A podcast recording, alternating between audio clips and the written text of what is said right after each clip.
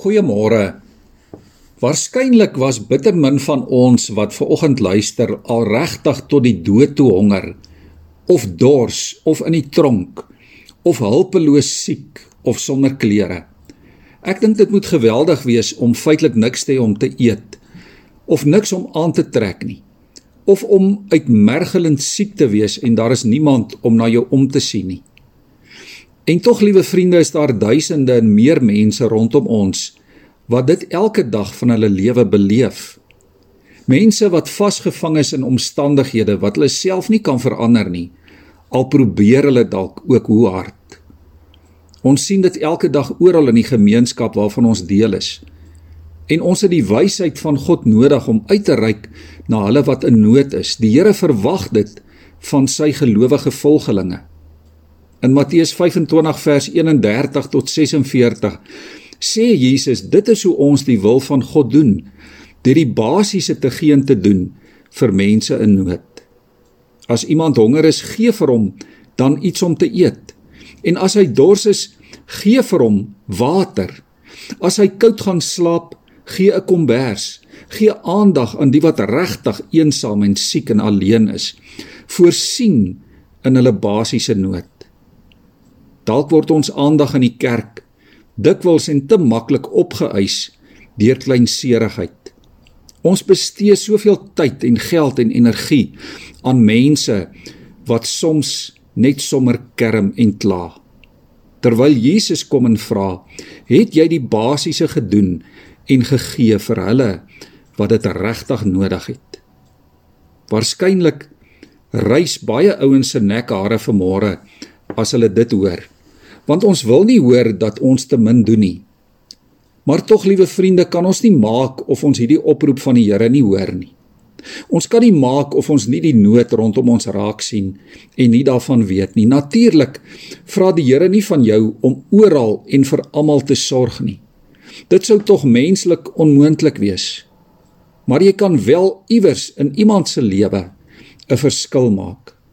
Laat die Here dan toe om jou te wys wie daardie iemand is en wat dit is wat jy vir daardie persoon kan beteken. Word deel van 'n bestaande liefdadigheidsbediening of begin jou eie klein bediening binne die vermoë waarmee die Here jou vertrou. As jy net 'n brood of 'n bietjie water kan gee, maak dit 'n verskil en as jy meer kan gee of doen, is dit wat God van jou vra. Om God se wil te doen is om Jesus se liefde prakties in 'n selfsugtige wêreld uit te leef. Ja, ons is sy arms, sy bene, sy mond en liggaam, sy gestuurdes hier op aarde. Deur sy oë moet ons die verlore wêreld rondom ons raak sien. Ons hartklop moet in ritme kom met die Here se hartklop. So sal ons deel wees van sy skape wat eendag sy ewige heerlikheid sal ontvang. Ek lees vir ons Matteus 25 vanaf vers 34.